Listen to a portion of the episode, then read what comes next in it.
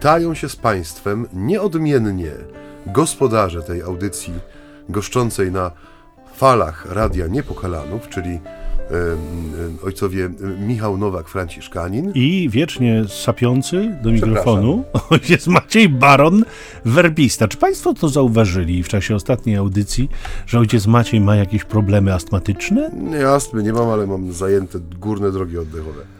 Wszystko Dzisiaj też zajęte. będę sapał. Ojciec jest zajęty generalnie. Yy, witamy się z Państwem w tej naszej... zdrowotnych, bo ojciec sobie zrobił pełen tak zwany clean bill of health i zaaplikował sobie wszystkie możliwe badania. Zostało mu wstrzyknięte i wsunięte wszystko, co tylko może być. Jest zdrowiusieńki jak noworodek. 10 na 10 w skali Apgar po prostu. Tak, to tak. Trzeba go chwycić za nóżkę i, I- sprawdzić, czy płacze. Jak płacze, to dobrze. Przewrócić do góry główką.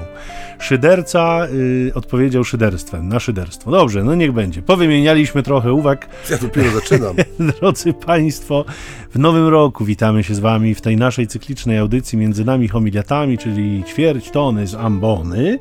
Jak zawsze z radością przystępujemy do słowa, które mm, y, jest takie porywające i zaskakujące. Mamy nadzieję, że nie tylko dla nas, ale i dla Was. Ostatnio właśnie y, medytując nad jakimś fragmentem bodaj 3 stycznia, W tych chwilach wolnych od badań w medycznych. chwilach wolnych od badań medycznych, y, spotkałem myśl Chestertona, Chester kogo? Chestertona. Bardzo interesującą y, w brzmieniu, że świat z całą pewnością nie zginie z braku cudów, ale niewykluczone, że zginie z braku zdumienia. I tego zdumienia nam chyba naprawdę Chester, bardzo... aż sobie Ta, zapiszę. pro- do Księgi Złotych Promyczków, proszę sobie zapisać. W każdym razie myślę, że tego zdumienia nam bardzo potrzeba i nad słowem, zupełnie poważnie mówiąc, którym się zajmujemy, chyba w sposób szczególny nam potrzeba zdumienia i takiej fascynacji, y, którą Jezus y, no, chce chyba w nas wzbudzać. Taką mamy myśl i nadzieję, przynajmniej ja. Więc pozwólcie Państwo, że przeczytam to słowo, które jest na tę niedzielę, 8 stycznia, y, przewidziane.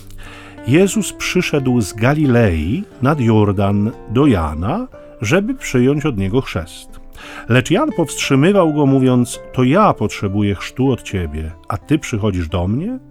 Jezus mu odpowiedział: Ustąp teraz, bo tak godzi się nam wypełnić wszystko, co sprawiedliwe.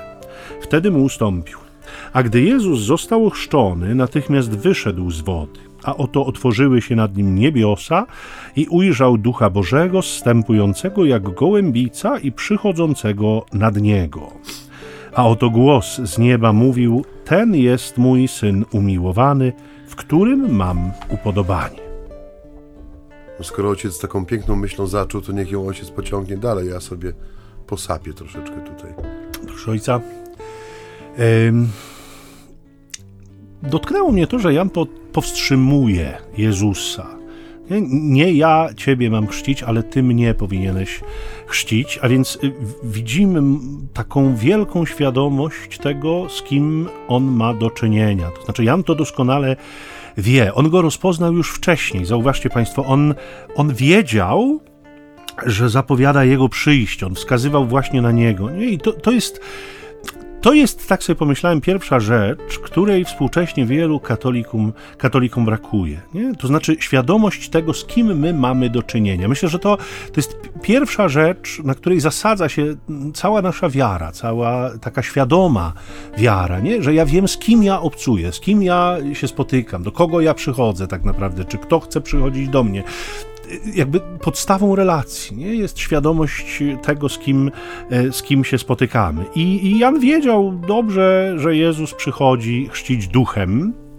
E, I e, oczywiście z tym chrztem Jezusowym, jego własny chrzest, którego udzielał, on się nie mógł w żaden sposób równać. On był pewnym znakiem, on był pewnym symbolem, prawda? Zapowiedzią. Natomiast łaskę odpuszczającą grzechy, nie? czy łaskę odpuszczenia grzechów przyniósł dopiero Jezus. Dla- Dlatego zobaczcie w dziejach apostolskich, kiedy Paweł spotyka jakichś uczniów, którzy przyjęli chrzest Janowy, on im tłumaczy, że to była zaledwie zapowiedź i udziela im chrztu w imię Pana Jezusa. Jest w 19 rozdziale, Ewangelii Świętej, e, przepraszam, dziejów apostolskich, gdyby ktoś chciał sobie poszukać, 19 rozdział. Mm, I mało tego, o znaczeniu chrztu mówi nam też zakończenie Ewangelii Świętego Marka. Kto uwierzy i chrzest przyjmie, będzie zbawiony. Natomiast kto nie uwierzy, będzie potępiony. A dodajmy jeszcze do tego trzeci rozdział świętego Jana, gdzie czytamy, że kto wierzy, nie podlega potępieniu, a kto nie uwierzył, już został mm, e, potępiony. I gdyby, drodzy Państwo, połączyć to, o czym mówię, czy co zacytowałem przed chwilą, z chrztami całych domów, opisanymi choćby w scenie z Korneliuszem w dziejach apostolskich z 10 rozdziału, no trzeba, e, zdaje się, obnażyć pewną prawdę, e, która e, jest związana z decyzją rodziców o tym, że odkładają chrzest dzieci, żeby te same sobie wybrały religię, do której chcą przynależeć, kiedy dorosną. Bo zauważyliście Państwo, że, że z pewnością, że, że tak właśnie się dzisiaj dzieje. I oczywiście pomijam już niekonsekwencje w kontekście innych ważnych decyzji podejmowanych za dziecko, no ale trzeba powiedzieć wprost. Dokładnie, albo o wyborze imienia, nie? bo to mm, też jakby rodzice biorą na siebie. Y, trzeba powiedzieć wprost, w samych tych rodzicach nie ma wiary. A ten brak wynika z faktu, że nie wiedzą, z kim mają do czynienia i nie wiedzą po co mają mm, to robić. Nie, oczywiście teoretycznie wiedzą, nie? katechizmowo powiedzą, że dla życia wiecznego, ale to słowo całkowicie straciło dla nich swoje znaczenie i wartość. I dlatego pozwalam sobie zaczynać w taki sposób, drodzy Państwo, żeby jakby nam uzmysłowić wartość tego, czym chrzest jest. Chrzest, który otrzymaliśmy pewnie w większości, wy, nasi słuchacze i my tutaj w studio w niemowlęctwie, mm, jako no, nieprawdopodobnie niezwykły dar, który nam Pan Bóg dał, włączając nas w rodzinę swoich dzieci. Mm, I w, jakby w, w, tym kontekście to, co dzisiaj się dzieje, ten taki wielki przewrót, który jest pewnie trochę dyktowany modą, trochę oczywiście niewątpliwie jakimiś nadużyciami, takimi czy innymi, które bardzo łatwo przełożyć na swoje własne postępowanie, no bo skoro oni tak byle jak, to ja się też nie muszę tam specjalnie wysilać i starać, ale jakby zmierzam do tego, że dwie rzeczy nie, są absolutnie niezbędne i potrzebne do tego, żeby, e, żeby móc zrozumieć, nie? Wartość chrztu to jest y, ta, ta, świadomość tego, z kim ja się spotykam i świadomość po co ja się mam spotkać. Bo jeżeli tego nie będzie w rodzicach, no to y, niestety, że tak powiem, tych chrztów będziemy mieli coraz mniej. Jeszcze jedyna rzecz, y, która, w której się specjalizujemy dobrze, to są pogrzeby. Tych też pewnie już nam ubywa w znaczeniu takim, że są tacy, którzy decydują się na pogrzeb świecki, ale jednak ciągle ten ksiądz na pogrzebie to jest no, coś takiego, co, co wydaje wydaje się być w, w, w miarę naturalne i normalne. Natomiast chrzty y, być może też są takie miejsca, w których jest ich coraz, coraz mniej. Natomiast jeśli tej świadomości nie będzie, jeszcze raz to powiem, bo bardzo mnie to zatrzymało, nie? Z kim i po co, y, no to tak naprawdę rzeczywiście być może nie ma sensu chrzcić, no bo chrzcimy y, niemowlęta na podstawie wiary ich rodziców. Mhm. Dokładnie to, co powiedziałeś przed chwilą, też y, podchodzi troszeczkę pod myśl, którą ja chciałem się z Państwem podzielić. Y, mianowicie mm, ta świadomość, o której mówi Michał, y, z kim i po co, ona znajduje swoje przedłużenie w pewnej postawie, która dzisiaj jest niepopularna. Mianowicie ten chrześcijanowy i Jezus przychodzący po to, aby go przyjąć, bardzo często jest rozpatrywany i omawiany w kategorii znaku solidarności. Nie? To znaczy, my często mówimy o tym, że w czasie, szczególnie w czasie Bożego Narodzenia, że Słowo stało się ciałem, że rozbiło swój namiot między nami. E, Jezus nigdy nie pozostaje jak gdyby po stronie tylko Słowa. Jego Słowo zawsze jest wypełnione w konkretny sposób. Nie?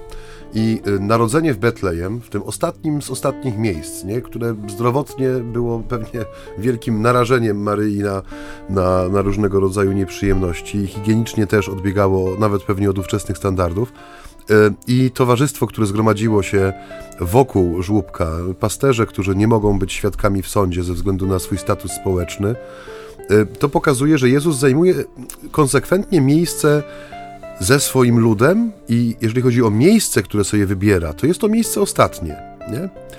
I ten znak solidarności, który mm, bywa bardzo często rozpoznawany w tym podejściu Jezusa razem z wszystkimi do Janowego e, nie może być e, mylny, ta intuicja nie może być mylna. Rzeczywiście Jezus zajmuje miejsce w jednym szeregu z człowiekiem. Nie? I przypomina nam to o bardzo niewygodnej dzisiaj prawdzie, że nas dzisiaj bardzo bywa, że nas dzisiaj bardzo mało e, łączy, a dużo nas dzieli. Żyjemy w takim czasie i w takim świecie, który konsekwentnie stawia na podkreślenie czyjejś indywidualności. Nie? Każdy ma swoje zdanie, każdy ma swoją prawdę, każdy ma swoją opinię, może ją wyrazić, może przy niej trwać, może ją rozpowszechniać. Nikt tego nie zabrania. Trudno jest dzisiaj zbudować, już nie chodzi nawet o relacje jakieś w sensie społeczne, nie? takie głębsze, ale jakiś wspólny front, mówiąc takim językiem politycznym trochę. Ponieważ dzisiaj no, każdy ma jakiś swój światopogląd, mm, swoje rozumienie świata, jego spraw, no i swoje rozumienie własnego miejsca w tymże świecie. I dzisiejsza Ewangelia przypomina nam, że tym wspólnym mianownikiem, który nas łączy, ponad wszystkimi rzeczami, które nas dzielą, jest ten bardzo prosty wspólny mianownik. My wszyscy jesteśmy grzesznikami. I to, jak gdyby co łączy tych ludzi stających przed Janem, proszących go o chrzest, jest właśnie ich grzeszność. Oni sobie uświadomili, że to wołanie o nawrócenie jest skierowane do nich, bo oni mają się z czego nawracać, nie? My nie możemy tych ludzi, e, którzy stają wobec chrztu Janowego, traktować jako obywateli drugiej kategorii, ze względu na to, że to jeszcze nie jest ten chrzest, o który chodzi, bo w ich życiu dokonało się to, co jest jak gdyby fundamentem świadomego przeżycia sakramentu chrztu, czyli świadomość własnej grzeszności. E, I dzisiaj, kiedy mm, mówiłem też o tym w czasie rekolekcji ubiegłorocznych adwentowych, że jest to najcenniejszy moment e, Adwentu, kiedy my sobie uświadamiamy, że jak gdyby warto przyjść chociażby na te rekolekcje adwentowe po to, żeby się dobrze wyspowiadać, żeby mieć czas na solidny rachunek sumienia, na adorację Pana Jezusa w Najświętszym Sakramencie, na postawienie Mu pytań odnośnie własnego życia i odnalezienie w Nim na te pytania odpowiedzi. To jest jak gdyby początek czegokolwiek. Jeśli my odrzucimy ten wspólny mianownik, czyli to, że my jesteśmy ludźmi grzesznymi, którzy potrzebują Zbawiciela, którzy potrzebują kogoś, kto przyjdzie i nas uzdrowi, no to wtedy w ogóle cała ta mm, mowa o tym mm,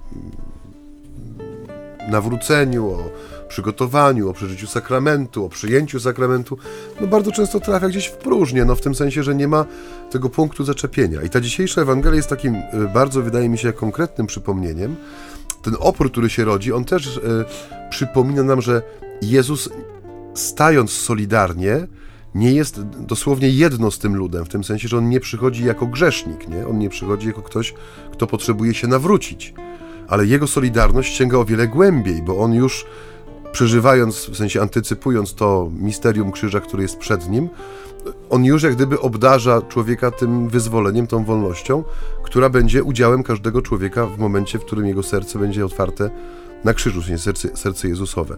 A więc to jest bardzo istotny moment dzisiaj. Ta Ewangelia jest bardzo ważna, bo ona nam właśnie pokazuje i przypomina, że mm, tym wspólnym mianownikiem, tym, co nas łączy ponad wszystkimi podziałami, jest ta prosta prawda, że jesteś człowiekiem grzesznym, słabym, że jesteś grzesznikiem.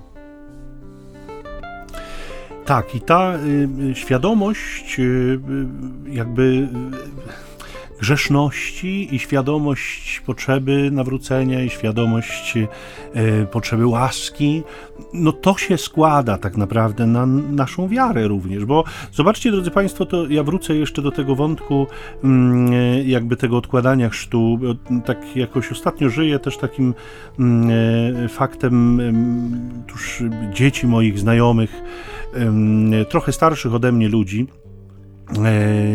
oboje para lekarzy, to znaczy te dzieci, e, które już dochowały się swoich dzieci.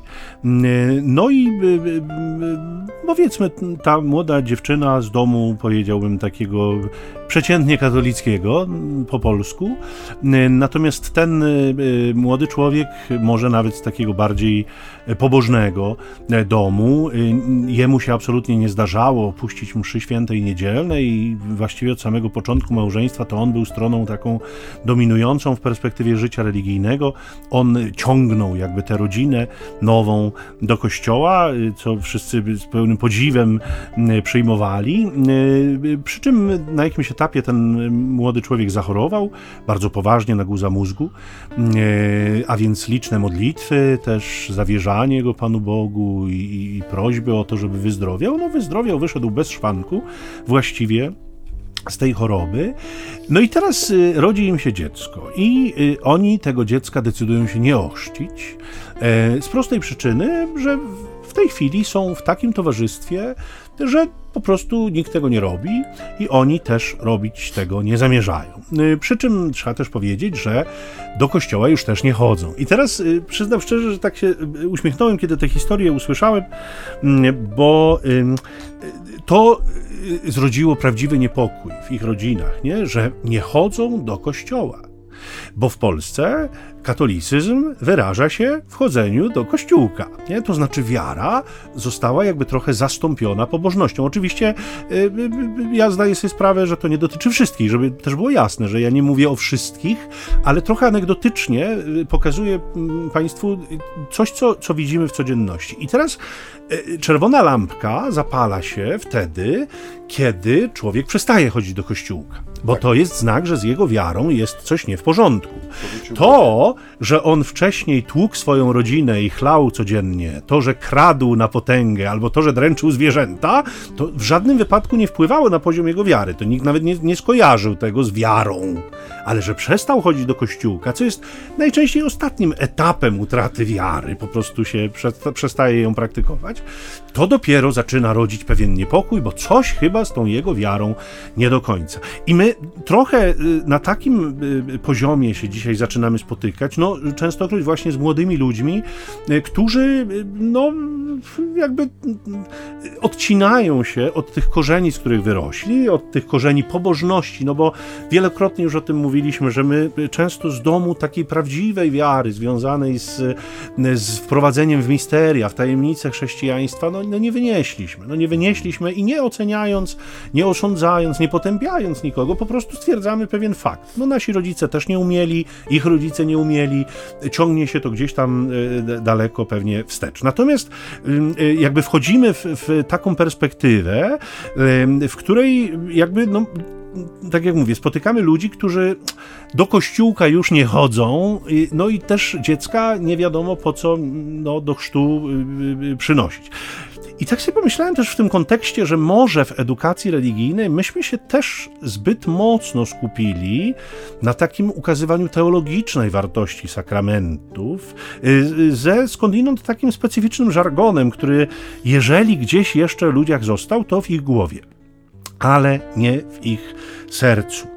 Nie? Dlatego y, y, nie do końca wiemy, po co ten chrzest, co to w życiu zmienia. Y, mało tego, dodatkowo mamy dzisiaj taką też falę modnych ostatnio apostazji i no, szeregu różnych pretensji, że ktoś mnie włączył do tej organizacji, z której bardzo trudno się teraz wypisać, a ja nie chcę w niej być, ale ja postawię na swoim i jednak to zrobię no to sprawia nam y, taką coraz większą polaryzację. To znaczy, ja obserwuję, że mamy jakby coraz częściej do czynienia z dwoma grupami ludzi. To znaczy, jedna jest taka, to są ludzie, którzy jakby o chrzcie myślą zaraz po urodzeniu dziecka i wiedzą, e, że to jest kluczowe wydarzenie, i są ci, którzy nie chrzczą swoich dzieci, y, jakby, no bo no bo nie wiedzą po co mieliby to robić, albo właśnie moda jakaś, albo, albo coś tam innego. I pomiędzy nimi, czy po, gdzieś w środku jest coraz mniejsza już grupa, taka polaryzacja, która powoli wyklucza tę grupę, ale jeszcze się zdarzają ci, którzy chcą dzieci z zabawnych dosyć przyczyn, nie? Na przykład tam na wszelki wypadek, a może zachoruje, a może umrze, a może mu będzie lepiej w życiu, jak chrzcimy. Nie, takie... nie można wtedy do becika włożyć krzyżyka. O nie, uchowaj Boże, on sam sobie musi krzyżyk kupić. Tak, Każdy bo jak włożysz sam... na chrzest krzyżyk, nie, o nie, nie, matko. Każdy sobie musi sam krzyżyk kupić, bo to jest oczywiste zupełnie. Mhm. Więc, y... I czerwona wstążeczka pod wózeczką musi być przewiązana, bo... No więc mamy, mamy pewien obraz, to znaczy my troszeczkę ironizujemy, drodzy Państwo, żebyśmy byli dobrze zrozumiani. Nie? To nie chodzi o to, że szydzimy z kogoś, czy, czy że, nie wiem, mamy y, y, tak naprawdę to w nosie wszystko. Wręcz przeciwnie, czy... raczej nam zależy na tej rzeczywistości i obserwujemy obserwujemy coś, co, co nas samych jako duszpasterzy trochę zaskakuje e, i sami próbujemy się w tym jakoś odnaleźć i szukamy przyczyn. Może po omacku też jeszcze, ale jednak próbujemy. taką glosę mam właśnie, że absolutnie tu nie chodzi o szydzenie, ale mm, no nie tak dawno temu miałem właśnie kolejny przypadek czerwonej wstążeczki pod wózkiem podwiązanej, ukradkiem po wyjściu z, z budynku parafialnego, a przejście, a pomiędzy przejściem do do kościoła na mszę świętą, w czasie której miał być udzielony chrzest, w drzwiach kościoła niemalże była na szybko podwiązywana pod wózkiem czerwona wstążka. Ja ostatnio jestem bardzo e, zero-jedynkowy w tym temacie i powiedziałem, że nie rozpocznę, e, dopóki to nie będzie odwiązane. No i oczywiście tam taka mała rodzinna scysja się wywiązała, e, ale bodajże mama dziecka, czy nie, chyba chrzestna odwiązała ten, ten, ten czerwony sznurek, czy wstążkę, co tam było. I po mszy wdaliśmy się w taką ciekawą dyskusję. I muszę powiedzieć, no, że y, i mówię, to nie jest absolutnie szyderstwo ani wyśmiewanie się, ale o ile świadomość tego, w czym właśnie uczestniczyli ci ludzie, była zapewne dosyć ograniczona, bo pamiętam, że w czasie nauk przedchrzcielnych y, no, na każde moje pytanie, które proste, które stawiałem rodzicom czy chrzestnym, dostawałem albo uśmiech, albo jakąś taką zdawkową odpowiedź, może jakiś szczątek mm, jeszcze katechezy szkolnej, który gdzieś tam został w głowie czy w sercu. Natomiast e, liczba świadectw, jak bardzo mocno i dobrze czerwony element przyczynił się do, do czyjegoś życia czy rozwoju po chrzcie świętym, no było, była masa, nie? Pani chciała mnie zagadać po prostu, że ona może im wykazać trzy pokolenia wstecz, jak bardzo dobrym takim, no, omenem, nie wiem jak to nazwać w ogóle, jest ten czerwony element, że ta, ta wstążka, sznurek, węzełek w odpowiedni sposób zawiązany, że one mają wpływ. I tutaj mówię, bez szyderstwa, nie? Y, mamy głowę pełną, e, no nie chcę powiedzieć, że bzdur, no ale zabobonu, tak? Który potrafimy racjonalizować, podpinać go pod doświadczenia różnych zasłyszanych cioć, babć, wujków, którzy potwierdzają skuteczność tego, że trzeba wrzucić jedno ziarno drugiego dnia po Wigilii do osolonej wody, a potem podłożyć go pod wycieraczkę i trzy razy po niej przejść, bo wtedy dzieje się do, to i to. Jakby to było jakieś matematyczne równanie głęboko wpisane w, no, w to, co nazywamy duchowością tego człowieka, no bo jest to jakiś, jakiś duchowy sposób traktowania rzeczywistości, tyle że magiczny, tak?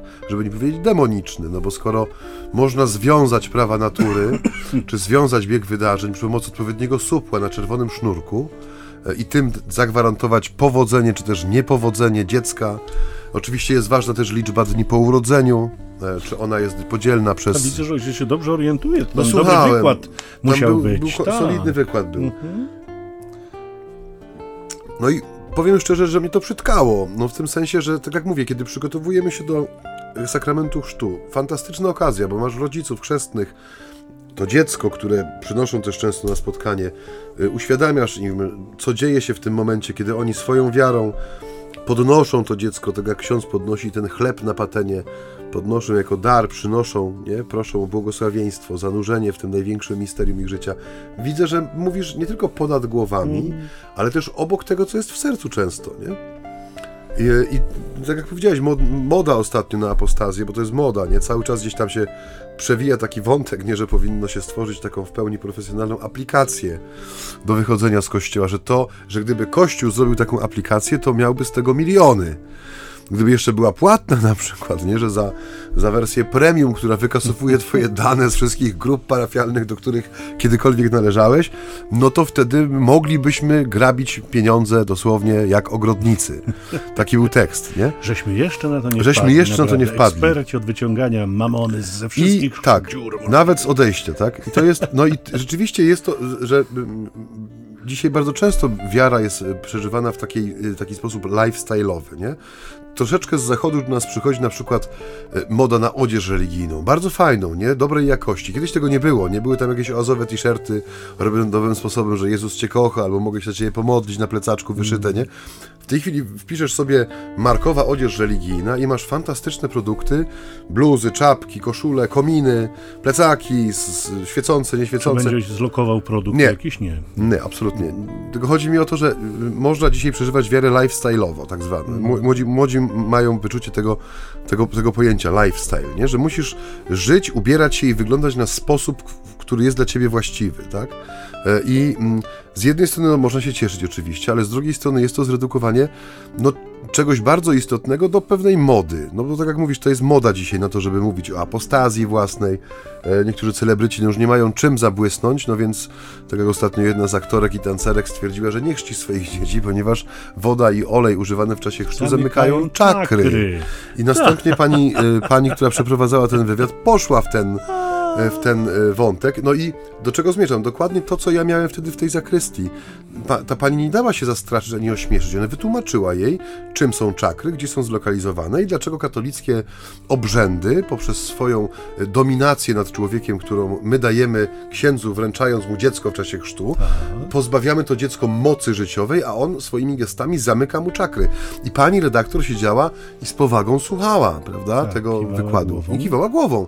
Ale z drugiej strony szacunek dla tej drugiej strony, że po prostu wytłumaczyła się z tego, tak? Że nie, nie, nie strzeliła jakimś zaokrąglonym... Pięknie, że pani też zorientowana była, wiedziała tak. dobrze na czym stoi. Na czym stoi, swojej wierze nie wiedziała nic, nic. Ale, ale, o tych tak. czakrach wiedziała sporo.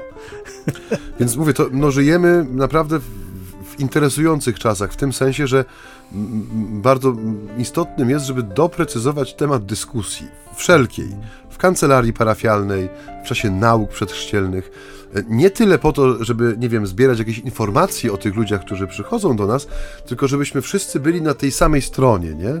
Bo kiedy my mówimy o y, o, mm, no chociażby w czasie przygotowania do sakramentu chrztu mówi się, jest tam pociągnięty ten wątek tej wody śmierci, prawda? Czyli to, tego przejścia przez wodę śmierci, tak jak Chrystus przechodzi przez wodę śmierci, tak kiedyś przechodziło się przez baptysterium trzykrotnie, prawda? I człowiek na drugim końcu się wyłaniał jako ten, który był zanurzony w śmierci Chrystusa. Że, że mówimy o pewnym misterium, które nie jest przekładalne na t-shirty, czapeczki e, i jednozdaniowe bonmoty, że to jest coś, co wymaga świadomości uczestnictwa, żeby o tym mówić, nie? Bo być może też, proszę mnie źle nie zrozumieć, ale być może ktoś się rozmyśli, nie? W, w, w, pozytywny sposób, że ja do tego nie dorastam, nie? Że to rzeczywiście mówienie, że moja wiara przyniosła to dziecko do kościoła jest kłamstwem, bo, bo to nie jest ale moja to byłby wiara. cudowny znak tego, że ktoś tam jednak ma jakieś No więc mówię, że, tak. że jeżeli będziemy precyzować, o co nam chodzi, bo my często jako duszpasterze też idziemy tą drogą, żeby nie stracić tych ludzi, którzy przychodzą, no obniżamy ten poziom no już nie chcę mówić, że wymagań, ale zaangażowania, nie? Że tolerujemy na przykład to, no, że, że rodzice czy chrzestni no, są zupełnie nieobecni w życiu Kościoła. Nie widziałeś ich nigdy w Kościele, nie? I pewnie ich do komunii pierwszej nie zobaczysz. To nie zobaczysz ich, nie? Bo najczęściej słyszysz historie takie, że ktoś ma jakiś tam kościół w odległej mitycznej krainie, gdzie jest msza, która im pasuje, oni tam uczestniczą, oni bardzo przepraszają, ale tu nie będą chodzić, bo to i tamto, nie? Przerabiam to w tej chwili, no właściwie przy każdym możliwym przypadku, mam mało chrztów moich parafialnych, większość jest spoza parafii. No kiedy pytam ich o, mm, rodziców, o mm, ich zaangażowanie w Kościół, w sensie jak wygląda wasze życie sakramentalne, jak wygląda wasze uczestnictwo w życiu liturgicznym Kościoła, no więc jak, jeżeli ktoś mi odpowiada, że, no, że normalnie, no więc pytam doprecyzowując, co rozumiemy przez normalność, czyli rozumiem, czyli niedzielna msza święta, tak, z dzieciakami, te, no nie, no przychodzimy na Boże Narodzenie i, na, i z koszyczkiem w Wielką Sobotę, no i to jest, nowe, to jest nowa normalność, nie, czyli zachowanie jakichś szczątków nawet kulturowego chrześcijaństwa, nie, bo, bo już trudno mówić, żeby to było chrześcijaństwo kulturowe, to są jakieś elementy wiary przełożone na jakieś proste, niewymagające wielkiego zaangażowania wydarzenia, no koszyczek, no przynoszę, stawiam, zabieram, tak, no wypełniłem swój chrześcijański obowiązek, ta pasterka nieszczęsna, półtrzeźwa, nie, bo to najczęściej na tym się to opiera, że się się idzie całą rodziną, bo już nie mogą się doczekać, bo już od zakończenia Wigilii jest konsumpcja. Ostatnio gdzieś tam był jakiś też taki mały skandal, że kilka osób pod wpływem alkoholu przyszło do kościoła i zaczęli się awanturować pół godziny przed, że już jest pół godziny po. O. Przyszli godzinę za wcześnie po prostu. No i też było nie wiadomo jak zareagować, no bo jednak przyszli, no ale co zrobić, wyprosić, nie wiem, śpiewać z nimi te kolendy przez pół godziny. E, no ale to mówię oczywiście humorystycznie, ale e, no, no coś, coś, coś, coś jest na rzeczy, że potrzebujemy bardzo dokładnie doprecyzować po co i dla kogo się gromadzimy. Nie? Że y, cieszenie się, że mam wciąż w księdze chrztów na przykład, nie wiem, 40 chrztów rocznie, tylko dlatego, że nie stawiam pewnych pytań albo nie doprecyzowuję pewnych kwestii No bo skoro mówimy w obrzędach sakramentu, że czy pytamy rodziców, czy są świadomi tego obowiązku i wyrażamy we wstępie, że to właśnie wiara rodziców przynosi to dziecko niejako na, że nie ich ręce, ale ich wiara niesie tego dzieciaka do chrztu, że oni dzielą się tym, co dla nich jest najważniejsze, no, najcenniejsze. No przepraszam, y, ja osobiście mam awersję do obłudy na ambonie, nie? I kiedy słyszę, albo muszę powiedzieć coś takiego, no, no bo w sensie no, wymaga tego okoliczność, no widzę, że to, no, to jest hipokryzja, nie? My sami sobie strzelamy też w tym jako wspólnota, w kolano, no bo y, jeżeli rodzina, która przyjmuje chrzest, w sensie chrzci swoje dziecko, nie ma absolutnie żadnego zamiaru, żeby poprzez swoją obecność i modlitwę tę wspólnotę, do której y, wstępuje Kościół Boży, witać je z y, radością, mówimy na wstępie, tak? Jeżeli my w tym Kościele i w tej radości nie chcemy uczestniczyć od samego początku, no to po co to wszystko, nie? Bo tak wypada, bo może nie zaszkodzi, a nóż Właśnie, bo dziecko, jeszcze babcia żyje. Bo jeszcze babcia żyje, bo może obiecali zrobić przyjęcie mm. komunijne, nie wiem, cokolwiek innego. No, są to pytania, które powinny gdzieś nam, nie tylko z tyłu głowy, ale wydaje mi się też e, w sercu pracować, bo one też pomogą no, zrozumieć miejsce, w którym się znajdujemy i ten może też zobaczyć pewne przyczyny tego, co nazywamy takim toczącym Kościół, yy, yy, że mówi się o tym, że Kościół jest toczony przez kryzys dzisiaj i często szukamy tych przyczyn nie wiadomo gdzie. Yy, wydaje mi się, że ten brak wiary, nie? ten brak autentycznej wiary, zaangażowania i postaw, które no, są odzwierciedleniem tego, w co wierzę, jest jednym z głównych przyczyn tego, co się dzieje. Nie? No i może chwila relaksu przy muzyce bo temat jak zawsze wymagający. Pora relaksu.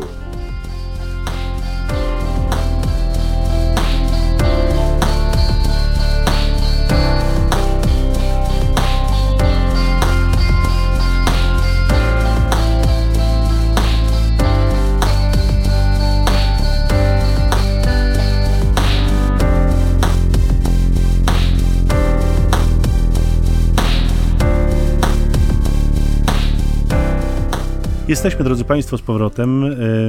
Wracając do tego, co mówił Maciej przed przerwą, ewidentnie przyznam szczerze, że coraz bardziej widzę potrzebę katechezy dorosłych. Natomiast y, coraz mniej wyobrażam sobie, jak to zrobić, żeby było dobrze, bo zobaczcie Państwo, jeżeli zrobimy katechezę dorosłych przed mszą świętą, którąkolwiek, niedzielną, no to mamy więcej niż pewne, że przyjdą na nią ci, którzy zawsze przychodzą na wszystko i którym być może ta katecheza jest najmniej potrzebna, chociaż oczywiście pewnie z niej skorzystają. Jeżeli ograniczymy tę katechezę dorosłych do przygotowania do sakramentów, tak jak właśnie mamy te katechezy przedchrzcielne, to oczywiście nie kwestionuje to ich wartości, ale przychodzą już ci, którzy jednak chcą ochrzcić to swoje dziecko. Nie? Oni już no jakiś tam mniej czy, mniej czy bardziej doskonały motyw w sobie noszą, rzecz jasna z tej katechezy skorzystać mogą. Natomiast jakby dotarcie do tych, którzy rzeczywiście no, potrzebują takich zrębów wiedzy, chociaż ja przyznam, że ostatnio na jednej z homilii e, też o tym Mówiłem, bo, e, bo próbując się postawić w roli słuchaczy, e, opisując pewną rzeczywistość tej naszej właśnie może mniej wiary, a bardziej pobożności, e, wyraziłem taką wątpliwość, no dobrze, dobrze, ale przecież wy, duszpasterze, nas takiego Boga nie nauczyliście, wy nas takiego Boga nie, nie takiego Boga nie wprowadziliście, wy w miejsce i tak dalej, i tak dalej. I tak sobie pomyślałem, no dobra, ale ludzie kochani, ludzie kochane, nie? Jesteście dorosłe, dorosłe jesteście, nie? I zobaczcie Państwo, zupełnie poważnie mówiąc, nie? No jeśli pracujemy w jakimś tam fachu, czy to będzie bardzo skomplikowane, czy to będzie mniej skomplikowane, e, ja czasem mówię wprost, że nawet, przepraszam, no nie ujmując nikomu, ale czy hydraulik, czy, czy ktoś, kto wykonuje dość powtarzalne zajęcia, nie? On też musi się dokształcać, nie? Do, do kwestii dotyczącej materiałów, kwestii dotyczącej rozwiązań. To jest oczywiste. Każdy z nas musi się w jakiś sposób rozwijać i dokształcać w perspektywach, które uznaje za ważne. Oczywiście to robi. No a praca jest niewątpliwie ważna, bo daje pieniążek. Nie? Dlaczego wiara nie jest tak ważna? Nie? Dlaczego wiara nie jest e, takim elementem, w którym my prowadzimy osobisty dokształt? Nie? I znowu uogólniam oczywiście i, i zdaję sobie sprawę, że, że nie dotyczy to wszystkich, ale, ale e, jakby no, biorąc pod uwagę tą, ten, tą taką przeciętną, którą coraz częściej obserwujemy, która no, jeszcze parę lat temu była zupełnie niewyobrażalna. Nie? W, ta, tak, na takim poziomie uśrednienia, przeciętności. Dlaczego nie jest tak, że jakby to poczucie odpowiedzialności za moje zbawienie, za, za moją wiarę, nawet w takich sytuacjach, w których mój duszpasterz mi tego Boga nie daje w taki sposób, w jaki wydaje mi się, że powinien mi go dawać. Nie? Z różnych przyczyn, może już jest stary, może jest chory, może sam go nigdy tak nie spotkał, może ma jakieś inne zajęcia, może jest y, y, podłym ludzkim grzesznikiem, który jest zajęty jakimiś innymi sprawami zamiast Bogiem, bo i tak może się zdarzyć. Dlaczego mnie to nie motywuje do poszukiwań samodzielnych, tylko raczej do powolnego wycofywania się i zwalniania z odpowiedzialności? Dobrze, no nikt mi takiego Boga nie daje, to ja też nie widzę tutaj powodu nie? dla którego miałbym go szukać. Wracamy do tematu, nie? Z kim ja się spotykam i po co? Jakie są motywy, nie? Czy ja rozumiem? No to już wróci ten, znaczy wraca ten wątek, który poruszaliśmy wielokrotnie. E, mówiłem o tym w kontekście rekolekcji szkolnych, które kiedyś miałem, kiedy postawiłem dzieciakom zebranym, skoszarowanym na sali gimnastycznej pytanie o e, domy, w których się wspólnie modlicie. W sensie, kto się wspólnie ze swoimi rodzicami czy rodzeństwem modli. I na tych nie wiem, 200 ileś tam zebranych dzieciaków, e, trzy czy cztery ręce podniesione do góry, z czego niektóre odpowiedzi e, no, no były takie, że w Wigilię, czy tam właśnie e, nad święconką znak, krzyża babcia robi, czy dziadek zanim wyciągnie ze stołu, że to jest dla dzieciaka synonim tej modlitwy, nie codzienna na przykład wspólna modlitwa, nie wiem, dziesiątek różańca, ten pacierz osławiony poranny czy wieczorny, czy, czy chociażby, nie wiem, wspólne odczytanie Ewangelii z niedzieli dzień wcześniej e, w rodzinnym kręgu. No, e, dla nas to się.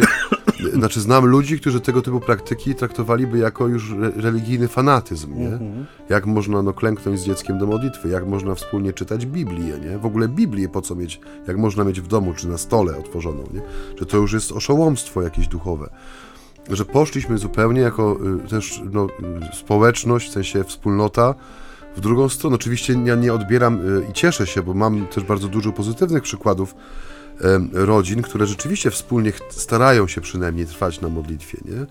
I fundamentem tego jest ta niedzielna wspólna msza, że y, y, dziecko idzie razem z matką i z ojcem do kościoła, widzi ich klęczących, odpowiadających, uczestniczących żywo w liturgii i od samego początku się tego uczy, że to jest coś, coś istotnego. Nawet jeśli jeszcze nie ogarnia umysłem tego, w czym uczestniczy, to jest w to włączone przez to, że uczestniczy jego mama, jego tata razem, że robią to wspólnie, jako wspólnota, mała ta eklezjola, ten domowy kościół. Nie?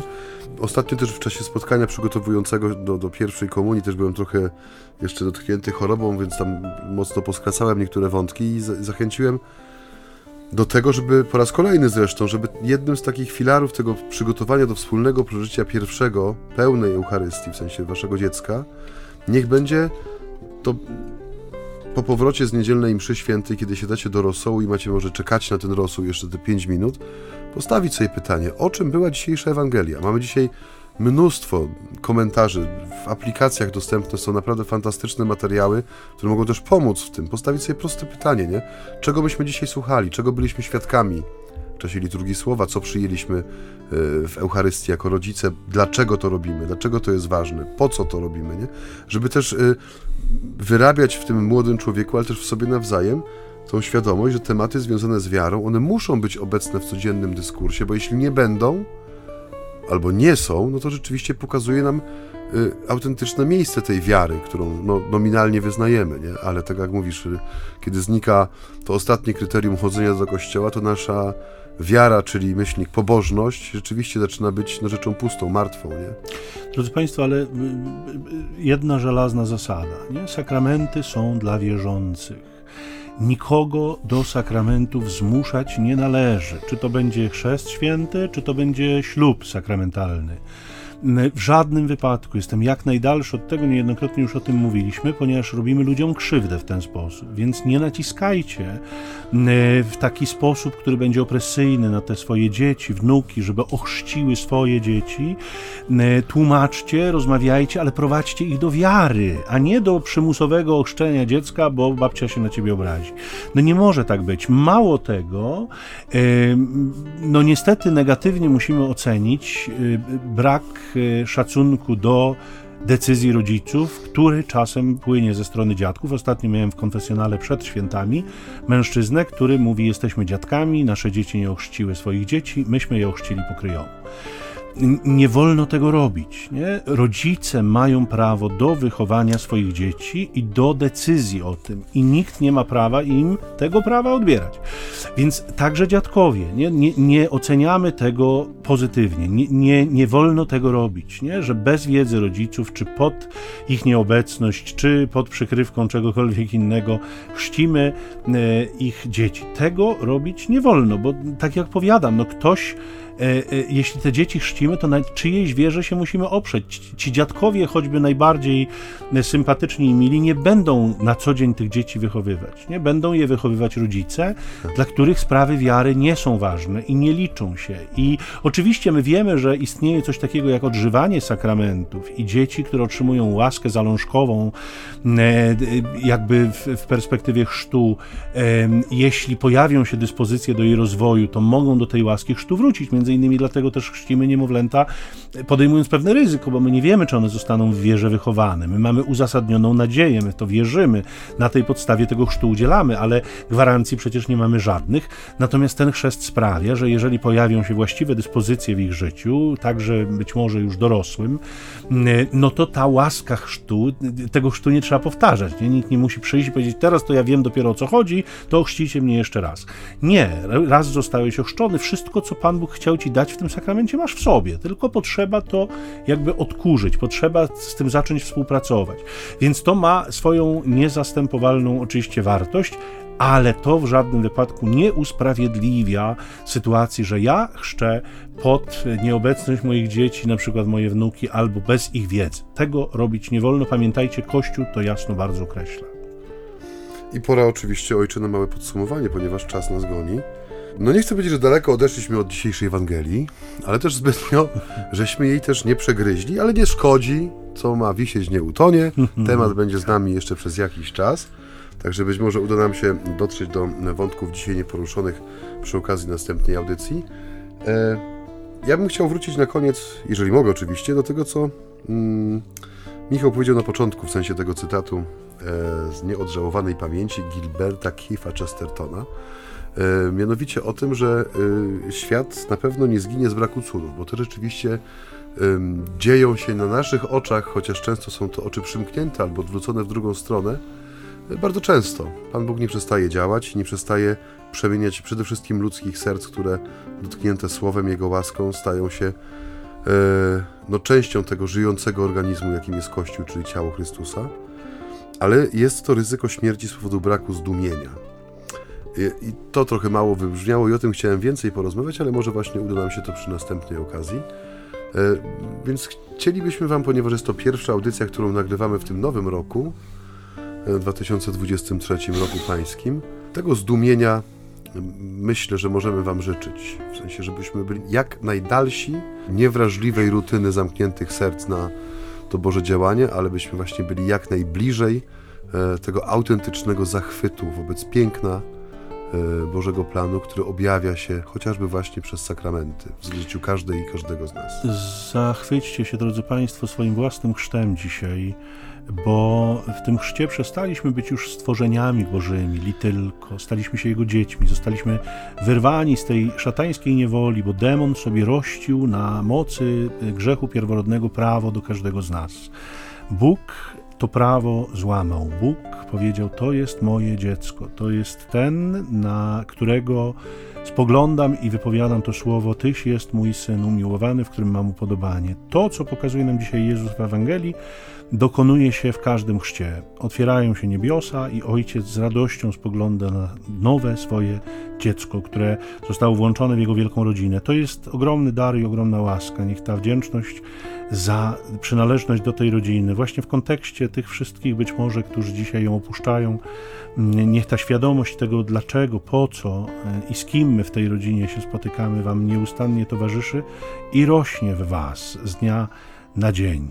E, obyśmy rzeczywiście wszyscy e, z zachwytem i zdumieniem spoglądali na drogi, którymi Bóg nas chce prowadzić.